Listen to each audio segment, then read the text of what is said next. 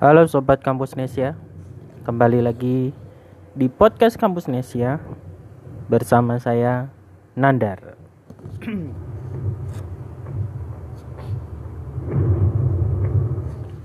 Terima kasih yang udah dengerin podcast Kampus Nesia. Salah satu judul yang sejauh ini paling banyak didengarkan adalah pembahasan tentang teori teleportasi dari drama Korea Sisyphus The Myth ya. Dan di podcast kali ini kita akan coba sesuatu hal yang baru karena saya perhatikan di dunia perpodcastan banyak yang suka tentang teori konspirasi dan misteri. Kita akan coba kali ini untuk membahas tentang tema teori konspirasi. Jadi teori konspirasi ini salah satu tema diskusi yang menarik ya. Kalau orang bilang tuh ibarat angin. Kita bisa merasakan, tapi yang namanya konspirasi itu biasanya sulit untuk dibuktikan atau diungkap. Oke. Okay. Dan karena ini episode trial ya, jadi saya tidak akan bikin teori sendiri atau membahas teori sendiri tapi saya akan coba membacakan sebuah artikel dari sebuah blog yang menarik banget. Blog ini saya temukan di sekitar tahun 2011 12 mungkin ya. Jadi waktu itu baru senang-senangnya buka internet, baru bisa akses internet dan saya nemu sebuah blog yang menarik waktu mencari pembahasan tentang uh, corp circle fenomena sub apa corp circle. Nama websitenya Enigma Blogger dan ini itu legend banget ya. Uh, sayang sekali ini udah udah lama hiatus artinya nggak bikin uh, posting baru tapi blognya masih ramai dan di podcast kali ini saya akan membacakan sebuah artikel dari enigmablogger.com yang uh, rilis oh ini kebetulan ya di bulan April tanggal 23 tapi tahunnya 2013 ya. Ini penulisnya juga anonim nih, menarik banget nih.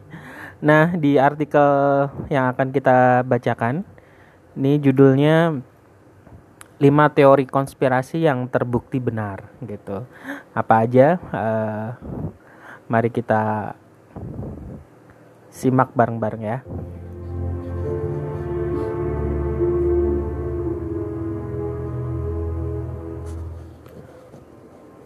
Saya akan mulai. Di di dalam setiap situasi bencana selalu ada sekelompok orang yang mengeluarkan teori konspirasi.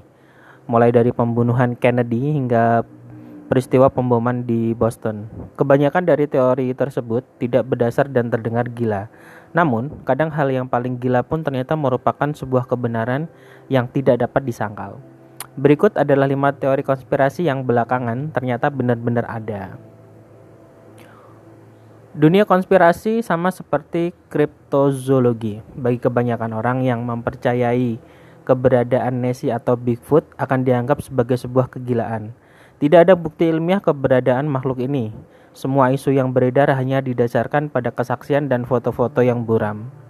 Namun, kebanyakan orang lupa kalau panda dan komodo pernah masuk ke dalam kategori kriptid. Ketika kebenaran kedua hewan tersebut dikenal luas, keberadaan panda dan komodo menjadi hal yang biasa. Begitu pula dengan teori konspirasi.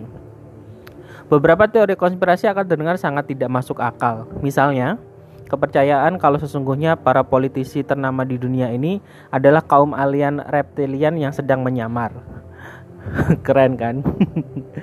Kali ini kita akan memeriksa teori mengenai reptilian yang menguasai bumi. Oh, sorry, Kali ini kita tidak akan membahas tentang reptilian yang akan menguasai bumi. Kita akan melihat teori konspirasi lain yang walaupun terdengar cukup gila, namun di kemudian hari terbukti merupakan sebuah kebenaran. Yang pertama adalah tentang MK Ultra. Pada pertengahan tahun 1900-an, beredar isu kalau pemerintah Amerika Serikat, dalam hal ini CIA, telah melakukan eksperimen pengendalian pikiran yang dilalui melalui obat-obatan seperti LSD. Mereka mengajukan teori ini mereka yang mengajukan teori ini akan ditertawakan dan dianggap seseorang yang paranoid. Pemerintah Amerika juga mengakuinya dan menganggap isu tersebut sebagai sebuah rumor yang tidak berdasar. Namun, pada tahun 1975, Kongres Amerika Serikat mulai membentuk komite untuk menyelidiki aktivitas CIA di dalam negeri. Komite yang disebut Church Committee ini menemukan fakta tentang MK Ultra. CIA memang melakukan eksperimen pengendalian pikiran atau yang disebut rekayasa perilaku manusia lewat divisi Scientific Intelligence milik CIA. Program ini dimulai tahun 1500, 1950-an hingga dihentikan pada tahun 1973. Penyelidikan ini juga menemukan kalau ketua CIA saat itu, Richard Helm, telah memerintahkan pemusnahan dokumen-dokumen yang berhubungan dengan MK Ultra pada tahun itu. Lewat Undang-Undang Kebebasan Informasi, CIA melalu, mulai melepaskan dokumen-dokumen yang tersisa ke publik hingga tahun 2001. MK Ultra sudah tidak dianggap sebagai proyek rahasia lagi. Artinya terbukti ya di di apa diungkap ke publik gitu ya. DPR-nya berarti keren ya di sana ya. Nah, itu yang pertama teman-teman tentang teori MK Ultra ya. Jadi uh, ternyata memang terbukti gitu ya setelah dibawa ke parlemen DPR Amerika akhirnya mengungkap bahwa CIA benar melakukan uh, proyek tentang usaha pengendalian uh, pikiran manusia melalui obat-obatan.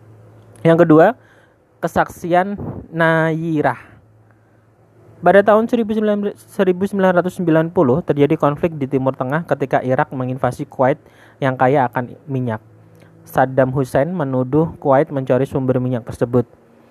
Uh, men, uh, Saddam Hussein menuduh Kuwait mencuri sumber minyak tersebut. Tentu saja Kuwait menolak tuduhan tersebut.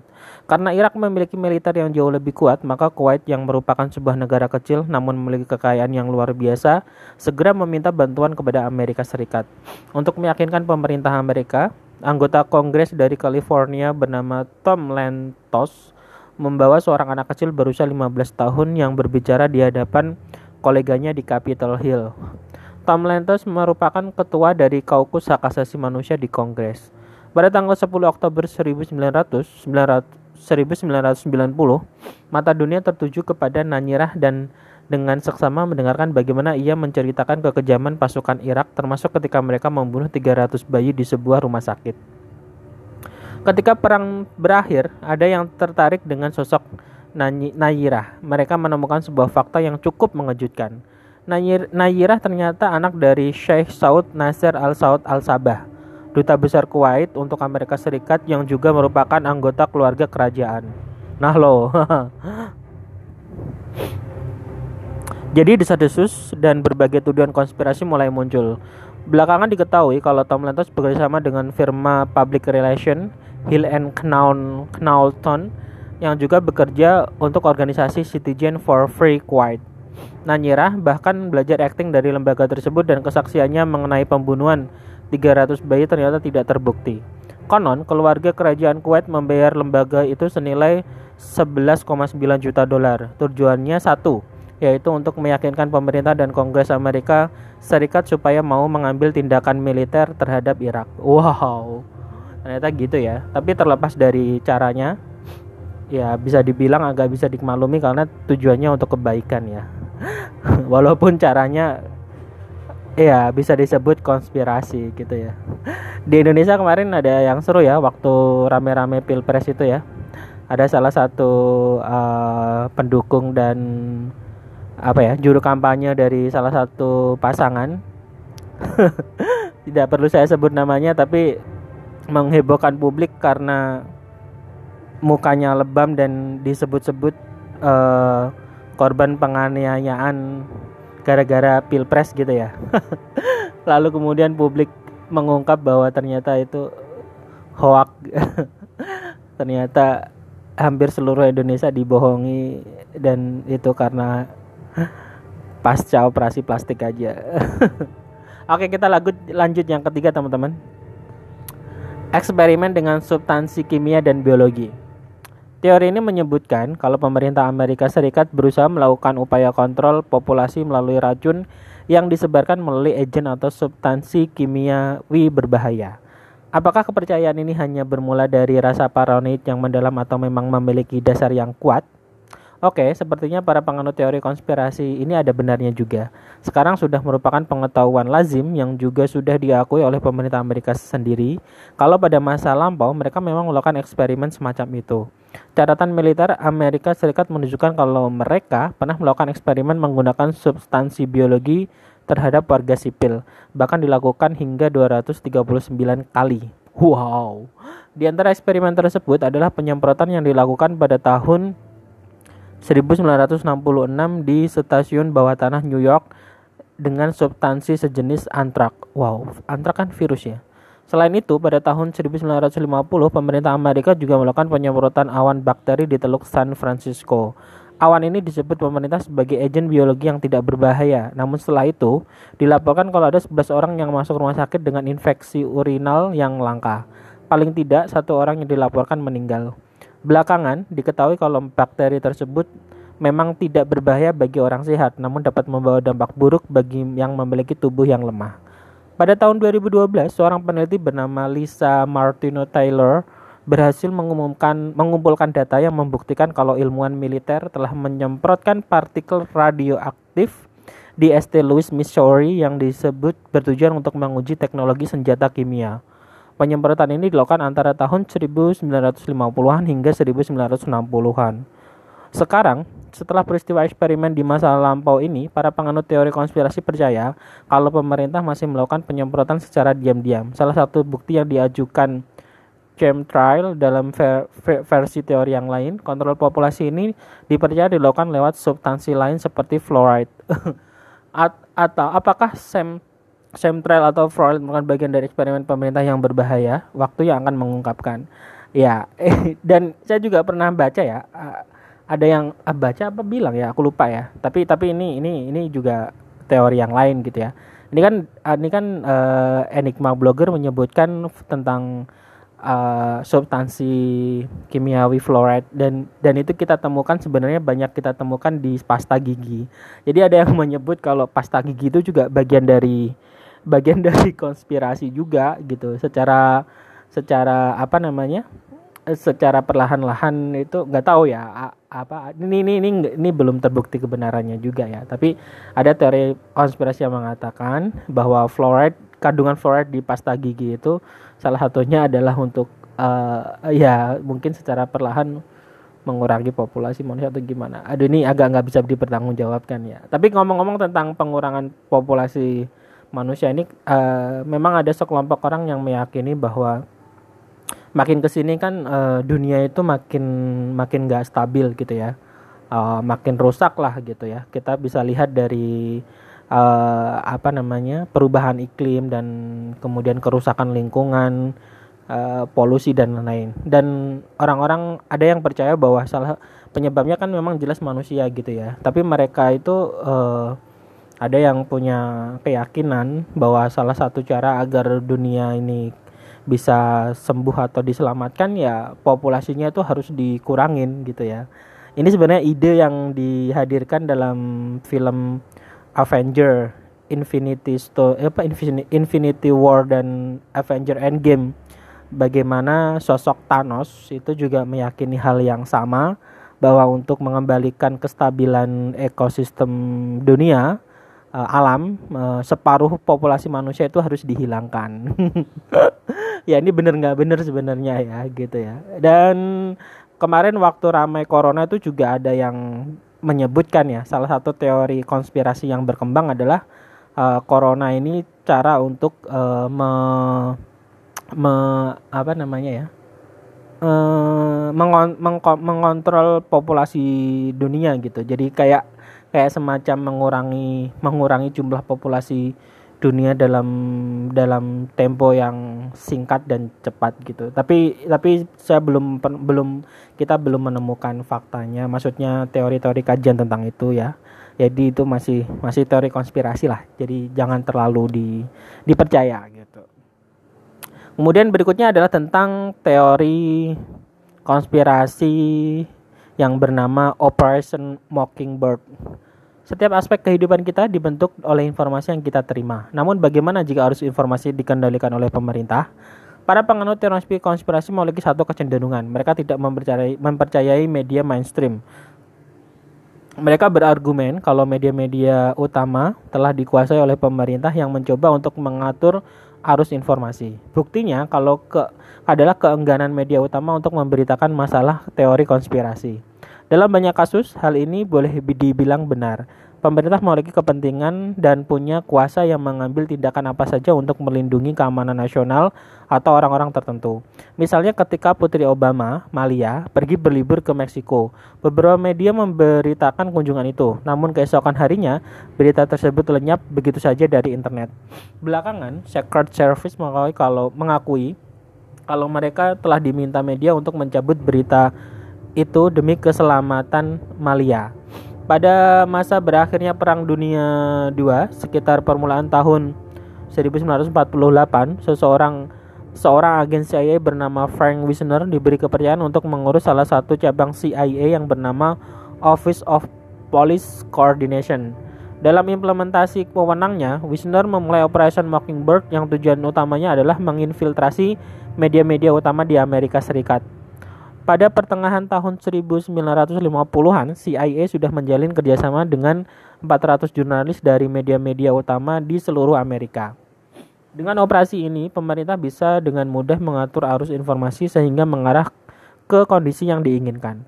Pada pertengahan tahun 1970-an, Operation Mockingbird, Mockingbird tersingkap dan dibubarkan entah apa dampak dari operasi tersebut dan informasi macam apa yang telah dikendalikan oleh pemerintah. Namun pertanyaannya adalah apakah operasi ini benar-benar telah dihentikan? Ya kita nggak bisa dapat memastikannya ya. Tapi kalau kita ngomongin tentang uh, hubungan antara pemerintah dengan media atau bagaimana pem suatu pemerintahan berusaha mengontrol media itu sebenarnya ya sudah banyak buktinya kalau sekarang ya. Karena artikel ini ditulis di tahun 2013 kan udah udah 8 tahun yang lalu ya jadi banyak perkembangannya. Ya contoh misalkan eh, bagaimana waktu kita me, melihat kemelut di di mana? Di Hong Kong misalkan eh, atau di China eh, di China itu kan kita terkenal ya bahwa karena mereka itu negaranya eh, konstitusinya berbeda bukan demokrasi seperti di Indonesia gitu. Jadi pemerintah itu benar-benar bisa mengontrol informasi apa yang boleh keluar dan tidak dari negaranya. Buat teman-teman yang belum tahu kan kalau di China itu uh, internetnya itu ada firewallnya, jadi dibatasin gitu. Jadi nggak nggak nggak bisa sembarangan orang uh, baik informasi dari luar China atau dari dalam China itu bisa keluar dan masuk gitu. Dan yang belum tahu mungkin teman-teman uh, platform internet dunia seperti Google misalkan terus sosial media seperti Instagram, Twitter dan Facebook itu juga nggak bisa nggak bisa dengan mudah diakses dari dari China gitu ya. Tapi salah satu hikmahnya dari dari sana akhirnya muncul eh, versi-versi uh, lokal gitu. Seperti kalau search engine itu ada Baidu misalkan gitu. Terus kalau sosial media itu ada Weibo, terus ya gitulah ada ada ada apa aplikasi-aplikasi lokal gitu gitu dan informasi yang muncul juga uh, banyak disensor. Jadi nggak nggak gampang untuk untuk apa namanya uh, ya kayak gitu tadi yang disebutkan di konfirmasi. Jadi pemerintah itu terus campur tangan apa yang boleh dan tidak boleh ada di internet gitu. Nah kalau yang agak kasar itu yang terjadi di Myanmar kemarin itu ya. Jadi bagaimana uh, pemerintah yang kemarin kita rame waktu awal tahun itu kan uh, pemerintah sahnya itu dikudeta oleh militer gitu ya. Kemudian masyarakatnya hingga hari ini masih berusaha untuk berdemo menentang tindakan uh, otoriter dari pemerintahannya dan di sana itu wartawan atau aktivis itu ya sangat sangat ini sangat terancam gitu. Udah banyak yang terbukti masyarakatnya meninggal dunia memperjuangkan demokrasi begitu juga dengan para wartawan. Salah satu tujuannya kan untuk mengontrol informasinya biar nggak nggak banyak keluar ke ke dunia gitu. Jadi ya operasi seperti Mockingbird Operation ini ya sebenarnya sudah banyak bisa ditemuin gitu. Oke teman-teman kita lanjut ke teori berikutnya. Ini teori yang terakhir yang ada di Enigma Blogger ya. Ada ada ada lima kan. Tadi udah kita bacakan empat. Uh, berikutnya adalah tentang teori konspirasi yang bernama Iron Mountain. Pada tahun 1967 terbit sebuah buku yang ditulis oleh orang tidak dikenal. Buku itu menceritakan mengenai sebuah panel pemerintah yang dibentuk pada tahun 1963 yang terdiri dari 15 anggota yang disebut sebagai Special Study Group. Uh, panel ini mempunyai satu tugas, yaitu memikirkan dampak yang akan timbul jika Amerika Serikat memasuki masa damai yang berkepanjangan. Mereka mengadakan pertemuan secara teratur di sebuah bunker nuklir yang disebut Iron Mountain.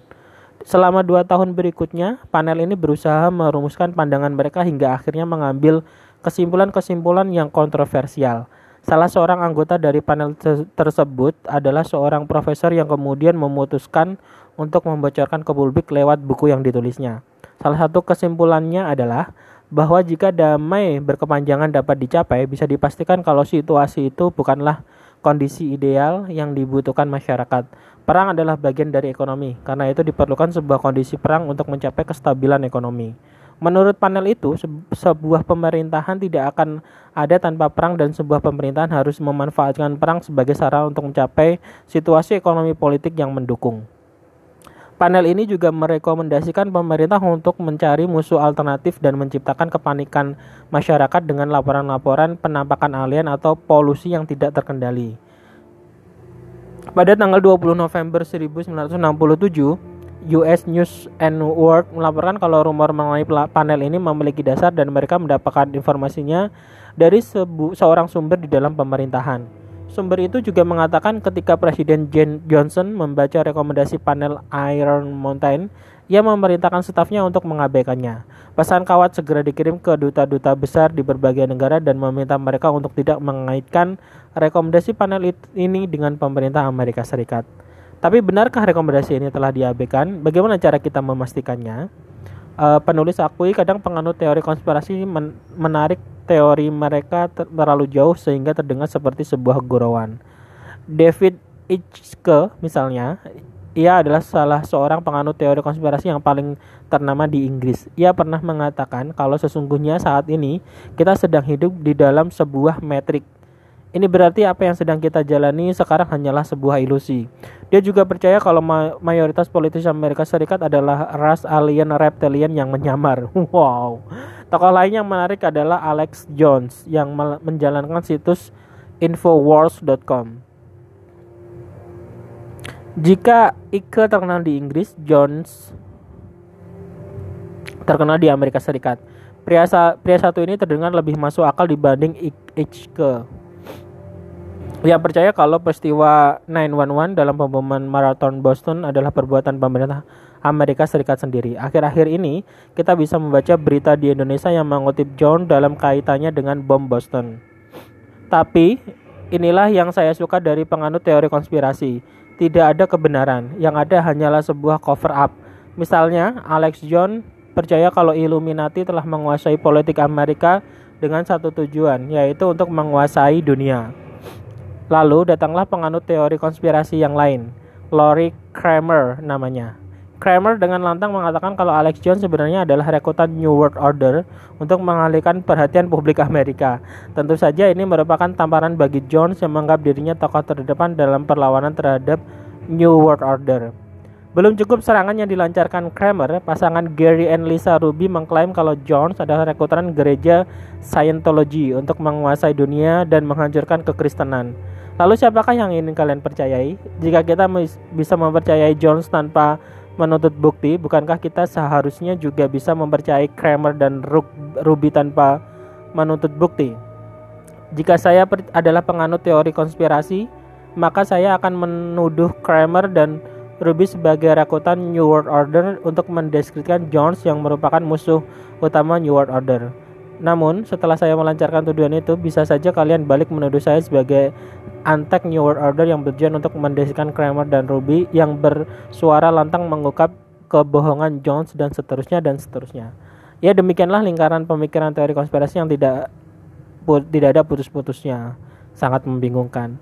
Tapi mari kita lanjutkan dan tidak berkutat pada lingkaran perenungan tersebut. Sebelum saya akhiri tulisan ini, ada yang ingin saya tanyakan kepada kalian. Ingatkah kalian dengan Roswell pada tahun 1947 sebuah pesawat alien dan mayat pilotnya dipercaya jatuh di Roswell, New Mexico. Walaupun disebut terjadi pada tahun 1947, kisah Roswell ini baru terungkap pada tahun 1978 oleh peneliti UFO Stanton T. Friedman Ingat panel Iron Mountain yang dibentuk tahun 1963 yang saya singgung di atas? Panel ini merekomendasikan pemerintah Amerika Serikat untuk menciptakan musuh alternatif dan menciptakan kepanikan masyarakat lewat laporan-laporan mengenai UFO dan alien.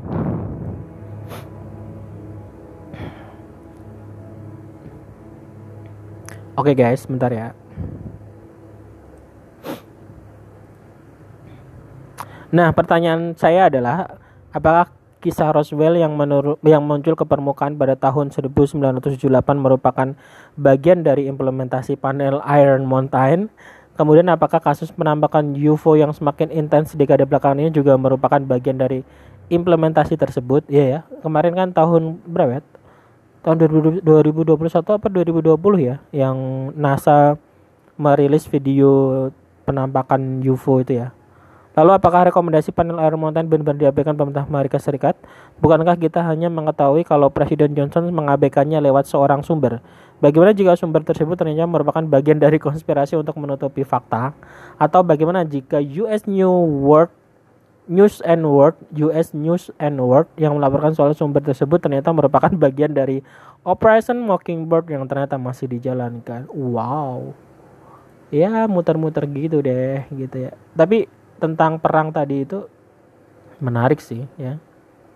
Uh, teman-teman uh, familiar dengan teori ini ya. Uh, perang Irak itu kan uh, pemerintah Amerika itu menuduh kalau uh, Irak itu punya senjata pemusnah massal senjata biologi pemusnah massal. Lalu kemudian uh, Amerika invasi militer ke sana hingga kemudian sampai saat ini senjata biologi yang dimaksud itu belum pernah ditemukan gitu. Jadi kalau dibilang mungkin ya itu bagian dari teori konspirasi mungkin ya ada benarnya gitu ya. Kalau kita nonton film-film entah itu yang science fiction atau mungkin yang berdasarkan kisah nyata, sebenarnya kan banyak diungkap ya. Uh, uh, apa namanya konflik di Timur Tengah itu sebenarnya juga tidak lepas dari campur tangan pemerintah misalkan Amerika kemudian Rusia gitu ya. Dan kalau tadi dihubungkan sama teori ekonomi ya ada benarnya ya. Ya dari mana mereka bisa mendapatkan suplai apa namanya uh, senjata kemudian amunisi bom dan lain-lain itu. Jadi ujung-ujungnya juga ke situ sebenarnya ya Oke teman-teman itu tadi uh, edisi perdana kita di podcast Kampus Nesia dengan tema misteri ya uh, yang kita bahas tadi tentang lima teori konspirasi yang terbukti benar. Kami ambil dan bacakan dari sumber enigmablogger.com. Kalau teman-teman mau baca silahkan cari aja Enigma Blogger di Google. Ini salah satu website yang buat teman-teman yang suka teori konspirasi tentang alien, UFO dan lain-lain ini recommended banget lah ya. Walaupun udah lama udah nggak update ya. Terakhir update itu uh, kayaknya kalau nggak salah 2018 apa ya kalau nggak salah ya. Saya lupa. Ya, jadi banyak informasi-informasi dan yang saya suka dari enigmablogger.com ini adalah uh, pendekatan ilmiahnya dan bukti-buktinya gitu ya. Jadi jadi menarik gitu. Secara logik menarik gitu. Oke teman-teman, terima kasih yang sudah mendengarkan. Kalau suka jangan lupa share uh, podcast ini ke teman-teman kalian ya. Nantikan episode berikutnya. Nanti kalau banyak yang suka bakal kita bakal kita ini ya, bakal kita bikin lagi ya gitu. Dan podcast kali ini masih disponsori oleh lucu.com, tempat bikin souvenir dan plakat paling murah di Tembalang Semarang. Langsung aja kunjungi websitenya loetju.com ya.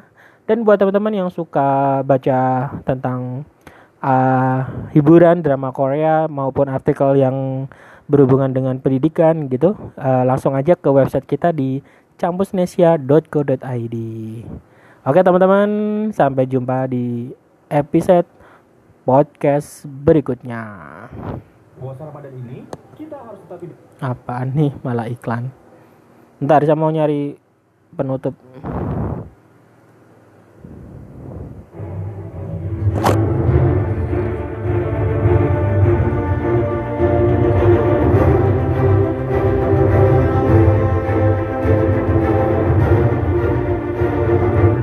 Saya Nandar, sampai jumpa.